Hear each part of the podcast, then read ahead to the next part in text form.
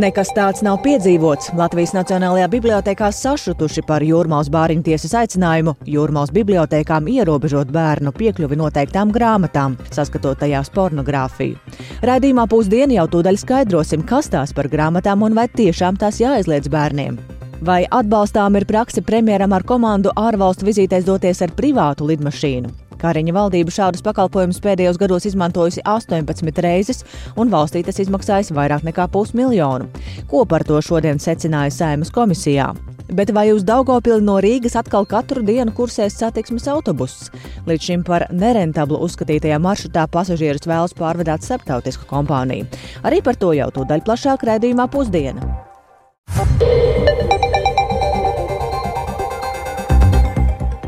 12,5 minūtes ēterā 15. novembra raidījums pusdiena, un tajā kā allaž pievērsīsimies plašākam skaidrojumam par šodien būtisko.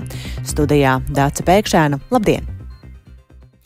Vai atbalstāma ir prakse premjeram ar komandu ārvalstu vizītēs doties ar privātu lidmašīnu? Tādus pakalpojumus bijušais valdības vadītājs Krišjāns Kariņš no jaunās vienotības pēdējos gados ir izmantojis 18 reižu, kas no valsts budžeta ir izmaksājis vairāk nekā pusmiljonu eiro, un šim jautājumam šodien pievērsās Saimas pieprasījuma komisija.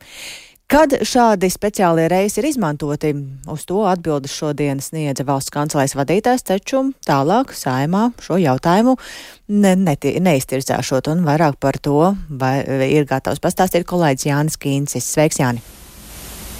Sveicināti! Jā, uzmanība ir pievērsta faktam, ka laikā, kad valdības vadītājs bija Krišjāns Kariņš, apmēram trešdaļai lidojumu uz ārvalstīm ir izmantota privāta lidmašīna. Laikā no 2021. līdz 2023. gadam uh, premjeras ar privātu lidaparātu devies 18 lidojumos uz tādām valstīm kā Bēļģija, Slovenija, Portugāla, Polija un citas. Tas skaidrojums gan ar Covid-19 laiku, kad avio pārvadājumu jomā bija daudz iztrūkumu, gan arī vēlāk eh, ar šo vizīšu, teikt, eh, lomas pieaugumu dažādu starptautisku notikumu dēļ. Vairumā vizīšu tomēr izmantot regulārie lidojumi ar Air Baltica, Polijas lidkompāniju LOT un citām. Privātie lidaparāti likti lietā, kad regulārā reisa izmantošana nav bijusi iespējama. Tā paskaidroja valsts kancelēs vadītājs Jānis Citskovskis. Bieži vien pāris dienas pirms šīs vizītes mēs tiešām saņemam apstiprinājumu, ka šāda vizīte ir iespējama, viņa notiks. Gala mērķi uh, nevienmēr sakrīt ar regulāriem avioreisiem.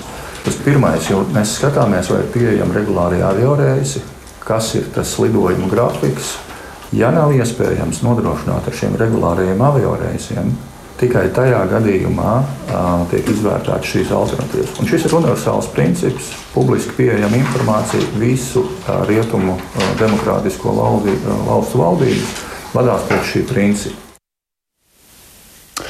Premjerministrs ir lidojis kopā protams, ar padomniekiem, ar ārlietu ministrijas darbiniekiem, arī valsts drošības dienesta darbiniekiem. Valsts kancelēja gan detalizēti neizklāsta, cik cilvēku bijuši šajās delegācijās.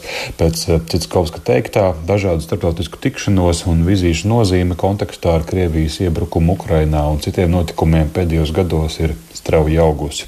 Un speciālo avioreisu izmantošana, protams, ir dārgāka, taču šīs izmaksas tiek vērtētas tā, ka vēl dārgāk izmaksātu laika kavēšana ceļā uz kādu gala mērķi vai arī izlaistas tikšanās. Arī agrākie premjeri reizumus ir izmantojuši privātu lidmašīnu pārvadājumus, taču šī informācija pašlaik nav apkopota, piebilda valsts kancelēs vadītājs. Un nedaudz papildinot arī par to, kāda ir avio pārvadājuma praksa cita vieta valsts sektorā, jānorāda, ka, piemēram, arī dažādu jomu ministra lidojumiem izmanto regulāros reisus un noteikti ne, neizmanto vietas biznesa klasē. Un jāpiebilst, ka arī visus lidojumus uz Eiropas padomi, Eiropas Savienības valstu un valdību vadītāju sanāksmēm gan ierēģiem, gan ministriem apmaksā Eiropas Savienība. Un viens no pieprasījuma iesniedzējiem par privātu lidmašīnas izmantošanu premjeru lidojumiem bija deputāts Edvards Smiltēns no apvienotā saraksta, kurš aizvadīto gadu bija arī saimnes priekšsādātājs Un viņš uzsvēra, ka ārlietās aktīva loma ir valsts prezidentam, saimnes priekšsēdētājam, premjeram, ārlietu ministram un saimnes ārlietu komisijas vadītājam, taču pieeja avio reisu izmantošanā acīm redzami atšķiras. Paklausīsimies arī viņa teikto. Saima nekad nav iedomājusies izmantot, piemēram, biznesa klasi. Nerunājot par privātu lidmašīnu īrēšanu. Pat biznesa klase saimas priekšsēdētājam ir faktiski tabū. Tāpēc, ka to nevar pamatot ekonomiski. Iespējams, varbūt ir kaut kādi tālie pārlidojumi, nav biļešu tajā brīdī. Varbūt kaut kur vēsturē var atrast. Senā vēsturē, kad saimnes priekšsēdētājs būtu izmantojis šādu privilēģiju. Nekad nav bijusi privāta lidmašīna. Savukārt tagadējās premjeras Evikas Siliņas laikā par valsts budžeta līdzekļiem privāta lidmašīna vizīšu nodrošināšanai nav izmantota, piebilda viņas parlamentārais sekretārs Jānis Patmalnieks. Uzklausot Patma, Patmalnieku un valsts kancelēs vadītāju Jāņa Citskovska atbildes, saimnes pieprasījuma komisijas vairākums noraidīja apvienotā saraksta deputātu pieprasījumu detalizētāk skaidrot tēriņus par speciālo avioreisu izmantošanu premjera vizītēm. Dace. Paldies Jānim Kīnsim par šo skaidrojumu. Tad, tad um, tas, kas izskanējis, ir šajā komisijas sēdē par uh, premjera ārvalstu vizītēm, ka speciālie reisi esot izmantot tad, kad nav bijusi iespēja izmantot regulāros reisus. Bet uh, mēs pievēršamies vēl kādam būtiskam tematam. Kopš Latvija ir brīva un demokrātiska valsts, nekas tāds nav piedzīvots. Tā Latvijas Nacionālajā bibliotēkā saka par Jūrmālas bāriņu tiesas aicinājumu Jūrmālas bibliotēkām ierobežot bērnu piekļuvi noteiktām grāmatām. Bāriņu tieši šo izdevumu saturā ir saskatījusi pornogrāfiju, bet Nacionālā bibliotēka un Latvijas bibliotekāru biedrība atklātā vēstulē atgādina, ka bibliotekāri ne pie kādiem apstākļiem nav iesaistāmi cenzūras darbībās. Un vairāk šajā jautājumā ir iedziļināsies kolēģi Zana Eniņa diezgan absurda situācija izklausās, bet par, kurgā, par kurām grāmatām ir runa? Labdien! Runa ir par četrām šogad izdotām grāmatām, kuras bibliotēku katalogā atzīmētas kā izdevumi par bērnu seksuālo audzināšanu. Un šķiet, ka zināmākā no tām ir Pēfera Blata un Kava Mūras izdevums Tur lejā par dzimumu orgānu nosaukumiem. Šī grāmatiņa ir arī ierauta jau pamatīgā skandālā, līdz pat draudiem tulkotājai un gadījumiem, kad izdevums publiski saplēsts. Laikam tas kalpojas kā laba reklāma, jo ieskatoties elektroniskajā katalogā, redzams, ka gandrīz visi jūrmalas bibliotekās pieejamie šīs grāmatas eksemplāri ir izsniegti lasītājiem. Plauktā pieejama tikai viena grāmata un vēl viena ir krātuvē. Vēl sarakstā ir klinga grāmata Diena, kad tētis pārunāja kutelīgus jautājumus par seksualitāti un intimitāti, kā arī divas grāmatas bez no, norādīta autora ceļvedis zēniem gandrīz par visu, un ceļvedis meitenēm gandrīz par visu. Un, kā liecina anotācija, ceļveži paredzēti pusauģiem, lai palīdzētu saprast, kas šajā vecuma posmā notiek viņu ķermenī un uzvedībā, kā ievērot higiēnu un tam līdzīgi. Arī šo grāmatu eksemplāru lielākoties ir izsniegti lasītājiem, katalogā piedāvāt iespēju uz tiem pieteikties rindā, tātad visticamāk lasītājiem ir interese par šādu literatūru. Taču Jurmālas Bāriņtiesa šajos četros izdevumos ir saskatījusi pornogrāfijas pazīmes, tāpēc ir vērsusies pie Jurmālas centrālās bibliotekas un tām tās e, četrām filiālēm ar aicinājumu ierobežot šo grāmatu pieejamību nepilngadīgajiem apmeklētājiem. Un paklausīsimies, e, kā šo soli pamatoja Jurmālas Bāriņtiesas priekšsēdētāja Una Andersone. Pornogrāfijas ierobežošanas likuma pirmā panta otrā punkta A un B daļa, ceturtā panta otrā daļa un tā tālāk. Bet uh, mēs tur saskatām arī citus pārkāpumus, uh, šāda veida literatūru un arī tālāk at atsauces, kur it kā bērns var meklēt palīdzību. Tā, tās ir pavisam ne tādas saites un sākumā pievērsām uzmanību, ka jau sociālos tīklos parādījās arī dažādu privātu personu vēršanās pret šo grāmatu. Līdz ar to mēs arī ar viņu saturu iepazināmies un konstatējām, ka mēs piekrītam. Mēs piekrītam arī tam, ka vairāk nekā simts organizācijas jau ir arī vērsušās un lūgušas izvērtēt krimināla likuma pornogrāfijas ierobežošanas likuma pārkāpumus attiecībā uz šo grāmatu. Jūrmālas bāriņtiesas priekšsēdētāja Jūna Andersona skaidroja, ka aicinājums ierobežot pieejamību esot attiecināts uz bērniem, kuri uz bibliotēku atnākuši vieni paši, jo, ja mazais lasītājs ir kopā ar vecākiem, tad tā esot vecāku atbildība un izvēle vai kādu izdevumu ņemt lasīt vai neņemt. Un Andersona arī norādīja, ka šajā kontekstā piesauktā un satversmē noteiktā vārda brīvība nav absolūta norma. To var ierobežot, lai novērstu ļaunumu kādai personu grupai vai sabiedrībai kopumā. Tomēr eh, bibliotēkām, bibliotēkām esot izteikts vienīgi aicinājums apsvērt pieejamības ierobežošanu, nevis kategoriska prasība to darīt. Reaģējot uz šo bāriņtiesas soli, Latvijas Nacionālā biblioteka un Latvijas bibliotekāru biedrība izplatījusi atklāto vēstuli, kurā izsaka bažas par to, kā ļoti bīstamu signālu demokrātiskā, tiesiskā un sociāli atbildīgā valstī, kas balstās uz cilvēku cieņu un brīvību, kā arī atzīst un aizsargā cilvēka pamattiesības. Vēstules autora atgādina, ka Latvijā cenzūra ir aizliegta, arī bibliotekāri nekādā ziņā nav iesaistāmi cenzūras darbība, darbībās. Latvijas kā neatkarīgas un demokrātiskas valsts vēsturē šāds solis ir nebijis notikums, tā pauda Latvijas Nacionālās bibliotēkas attīstības departamenta direktore Katrīna Kukaine. Šķiet, ka mūsdienās, eh, kopš mēs esam izveidojusies kā demokrātiska sabiedrība un valsts, šādi gadījumi nu, īsti nav pieredzēti. Un, un pirmā reize, kad tas ir par, eh, nu, gluži ne bērnu grāmatām, bet bērniem, bērnu izglītošanai domātām grāmatām, eh, ko, kas ir domāts tieši bērnu un, un vecāku sadarbībai. Jā, nu, iepriekš tādi tā kā tuvākā pārredzamā pagātnē nav zināmi. Latvijas Nacionālās bibliotēkas pārstāve Katrīna Kukaina arī norādīja, ka iztirzāt kādu izdevumu saturu no tāda krimināltiesība aspekta ir policijas vai tiesas uzdevums. Ja kāda grāmata šādā ceļā tiktu atzīta par pornogrāfisku, tikai tad varētu lemt par tās pieejamības ierobežošanu, bet katrā ziņā ne par pilnīgu aizliekšanu. Paldies, Zāne. Tātad viedokļi par seksuālajai izglītībai paredzēto literatūru ir ļoti pretrunīgi un plašāk arī situāciju turpināsim skaidrot raidījumā pēcpusdienu. Bet, nu, par cita veida izglītošanu. Naudas trūkuma dēļ kritiskā situācijā jau ilgstoši ir vēsture visplašākajā nozīmē, un te ir runa gan par pētniecību, gan izglītību, gan arī institūcijām, kas saglabām dažādas vēstures atmiņas par finansējuma trūkumu un līdz ar to arī grūtībām piesaistīt jaunos vēsturniekus šodien diskutēja īpašā Latvijas vēstures kongresā un tā darbībai šodien seko līdzi Paula Dēvica. Sveika, saki, kāda tad ir tā šī brīža situācija un kam visvairāk trūks naudas? Uh -huh. uh, sveiki, un sākumā uzsveršu, kāpēc tad vispār šobrīd runājam par šo vēstures nozīmi, un uh, šī vēstures izpētes un popularizēšanas biedrība norādīja, ka tieši šodienas ģeopolitiskā situācija un informatīvā telpa izgaismo vēstures lomu demokrātijā, kā arī zināšanu un izglītības trūkums vēstures jautājumos nereti izrādās auglīga augsne ideoloģiskām manipulācijām un sabiedrības šķelšanai. Tā uzskata biedrībā. Līdz ar to šajā gadā tātad kongresā izgaismo dažādas nozarē aktuālās problēmas, tostarp arī finansējuma trūkumu.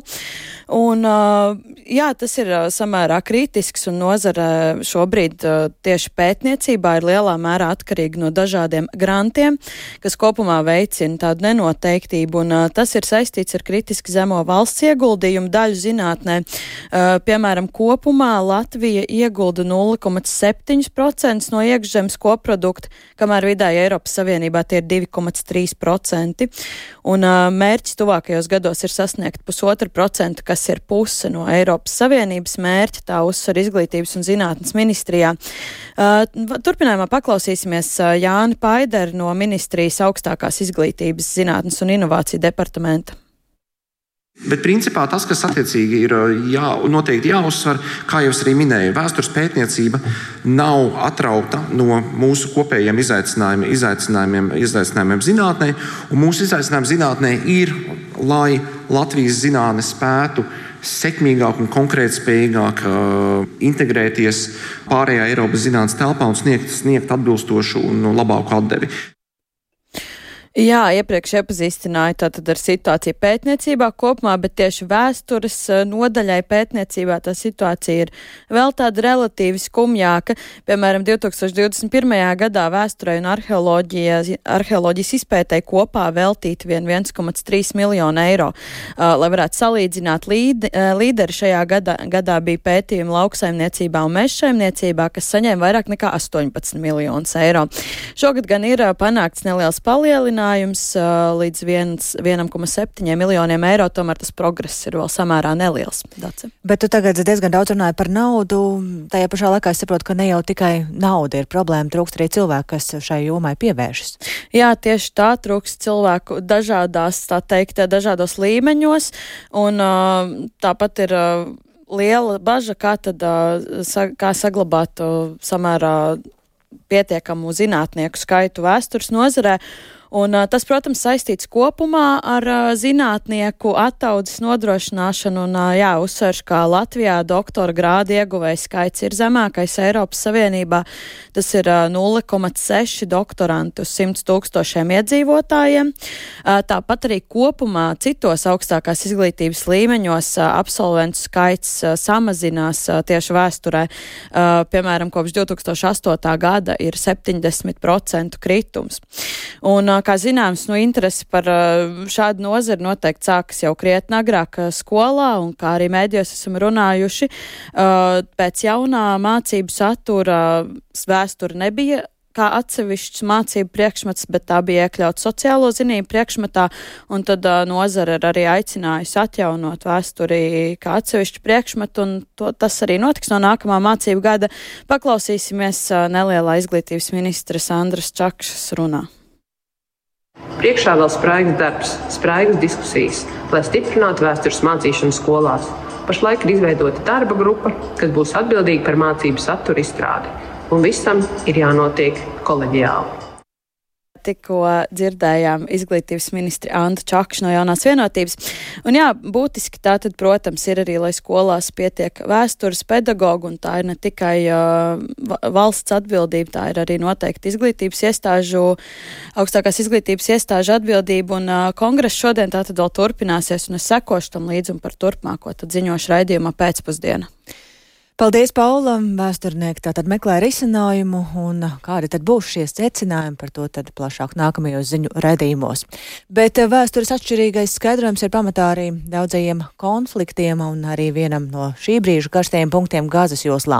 Izraels armija šonakt sākusi īpašu operāciju, lai iznīcinātu teroristiskā grupējuma Hamas komandu centru, kas atrodoties zem Gazā lielākās slimnīcas, un to, ka slimnīcas teritorijā darbojas Hamas teroristiskā teroristi ir apstiprinājusi arī ASV, bet ir bažas par slimnīcā esošo vairāku simtu pacientu un civiliedzīvotāju likteni un notikuma attīstībai Gazā seko līdzi Uldis Čēsberis. Uh, sveiks, Uldi, kādas šobrīd ir jaunākās ziņas par šo Izraels armijas operāciju? Jā, nu šonakt uh, šajā šīfas slimnīcas kompleksā, kas ir tāds plašs, tur ir ļoti daudz ēku, uh, iegāja vairāki desmit izrēliešu karavīru, kurus pavadīja arī smagā bruņu tehnika, tostarp tanki, un reids notika pēc vairākas dienas ilgušām apšaudēm ārpus slimnīcas teritorijas, un Izraels armijas runas Pīters Lerners sacīja, ka šī operācija ir rūpīgi plānota, un tad varam arī paklausīties viņa komentāru. We're not overrunning the hospital, but we are conducting a very precise Mēs neiebrukām slimnīcā, bet veicām ļoti precīzu un mērķētu operāciju konkrētā vietā, par kuru mums ir izlūgdāti. Tas ir nepieciešams, lai sakautu Hamas un, iespējams, izglābtu ķīlniekus. Slimnīca un slimnīcas komplekss ir viņu operāciju komandcentrs, varbūt pat sirds un, iespējams, smaguma centrs. Pēdējās dienās mēs esam centušies evakuēt cilvēkus no slimnīcas, mēs mēģinājām piegādāt pārvietojamos inkubatorus, lai izvestu no slimnīcas priekšlaicīgi dzimušos šos mazuļus, jo Gazas civiliedzīvotāji nav mūsu ienaidnieki. Hamas ir ienaidnieki.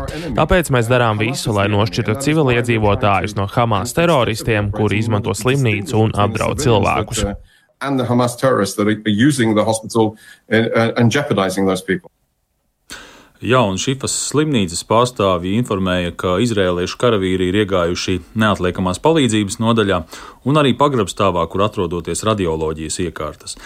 Slimnīcā esošie žurnālisti ziņo, ka karavīri pārvietojas no telpas uz telpu un izjautā cilvēkus. Savukārt ārpusē izrēliešu un militāru personas pa skaļruniem ir aicinājušas visus vīriešus vecumā no 16 līdz 40 gadiem doties uz slimnīcas pagalmu. Nu, izņēmums esot ķirurģijas un neatliekamās palīdzības nodaļā strādājošie. Un tur pagalmā esot uzstādītas arī tādas skenēšanas ierīces, caur kurām tad visiem vīriešiem ir jāiziet cauri. Un karavīri arī ir raidījuši šāvienus gaisā, lai tad piespiestu slimnīcā esošos doties ārā. Bāžas par Izraēlas militāro operāciju slimnīcā ir paudušas starptautiskās organizācijas, nu, piemēram, ANO ģenerālsekretāra vietnieks Humā humānās palīdzības jautājumos Mārtiņš Grifits paziņoja, ka viņš ir satriekts par Izraels armijas reidu un uzsvēra, ka slimnīca nav kaujas lauks, tāpēc pacientu, mediķu un arī civiliedzīvotāju drošība ir svarīgāka par visu. Nu, savukārt Pasaules veselības organizācijas pārstāve Margarita Herisa eh, nosodīja Izraēlas pirms militārās operācijas izplatītos aicinājumus evakuēt Šīfas slimnīcu un paklausīsimies viņas teikto. Slimnīcās cilvēki ir ļoti vārgi un ļoti slimi, tāpēc viņu pārvietošana ir neiespējams uzdevums. Ārstiem un medmāsām tiek prasīts pārvietot pacientu, zinot, ka tas viņus nogalinās. Un vispār, kāpēc viņi būtu jāpārvieto? Slimnīcām nevajadzētu uzbrukt. Jā, un Hamas kontrolētā Gazas veselības ministrija apgalvo, ka Šifas slimnīcas kompleksā atrodas aptuveni 9000 cilvēku. Daļa no tiem ir civiliedzīvotāji, kuri cerēja patvērties no Izraēlas aviācijas uzlidojumiem, vai arī ir nu, vienkārši zaudējuši kara darbībā savas mājas un nav devušies no Gazas ziemeļiem uz Gazas dienvidiem. Nu, slimnīcā fak faktiski normāls darbs ir apstājies, jo vairumā nodaļu nav pieejama elektrība, ir izbeigušās arī skābekļa rezerves, tāpat trūkst medikamentu, dzeramā ūdens un pārtikas, un tikmēr slimnīcas teritorijā joprojām trūda eh, desmitiem līķu, jo tos vienkārši nav iespējams izvest ārā. Paldies Uldim Česberim, tik tālu ziņas no Izraels un Gāzes konflikta zonas, bet atpakaļ pie Latvijas aktualitātēm.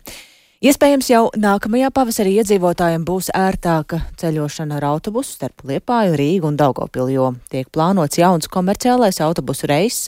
Uzņēmums Luks Express, kas Baltijā ir viens no lielākajiem autobusu pārvadātājiem, ir iesniedzis šādu pieteikumu. Kā savu plānu pamato uzņēmums, ņemot vērā to, ka ar komerc pārvadājumiem Latvijai nesokas, vairāk ir gatavs stāstīt kolēģis Viktors Demīdovs. Sveiks!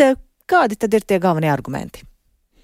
Jā, labdien! Nu, tas pasažieru pārvadātāja kompānija Lukas Express, kas veic arī starptautiskos pārvadājumus, plāno braukt arī divos maršrutos. Tātad Rīga Liepāja un Liepāja Daugopils. Tie būtu komercreis, kas nozīmē, ka uzņēmums no valsts nesaņems ne centa, un tagad Latvijā ir tikai viens komercreis - Rīga Salaspils, ko veic uzņēmums Galsbus. Vēl pavasarī bija komercreis Rīga Daugopils, taču uzņēmums Daugopils autobusu parks tos pārtrauca, jo nesot bijis izdevīgi. Ja runājam par Luks ekspresa plānu, tad reis Rīga eh, starp Rīgu un Liepāju plānots eh, ikdienu Katrā virzienā būs uh, seši reisi, bet brīvdienās septiņi. Biļešu cenas būšot apmēram tādas, kādas ir šobrīd.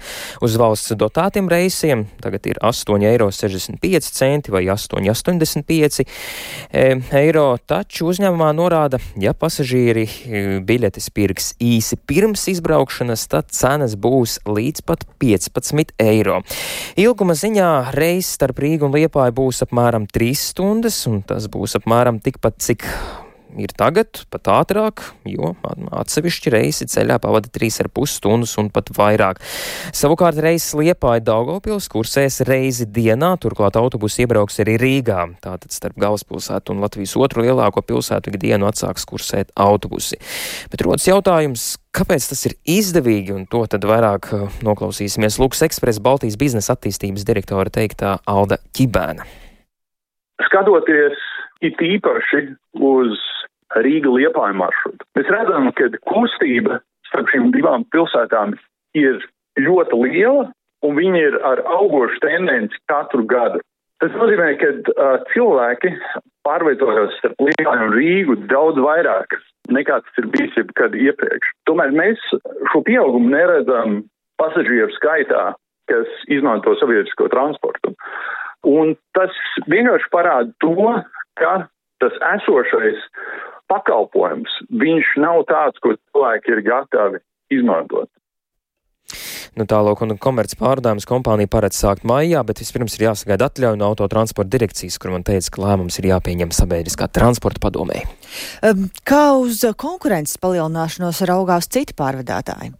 Nu jā, Liepājas autobusu parks uh, ir tas, tas uzņēmums, kas veic regulāros reisus starp Rīgu un Liepāju, un dienā ir pat di vismaz 20, svētdienās ir 15.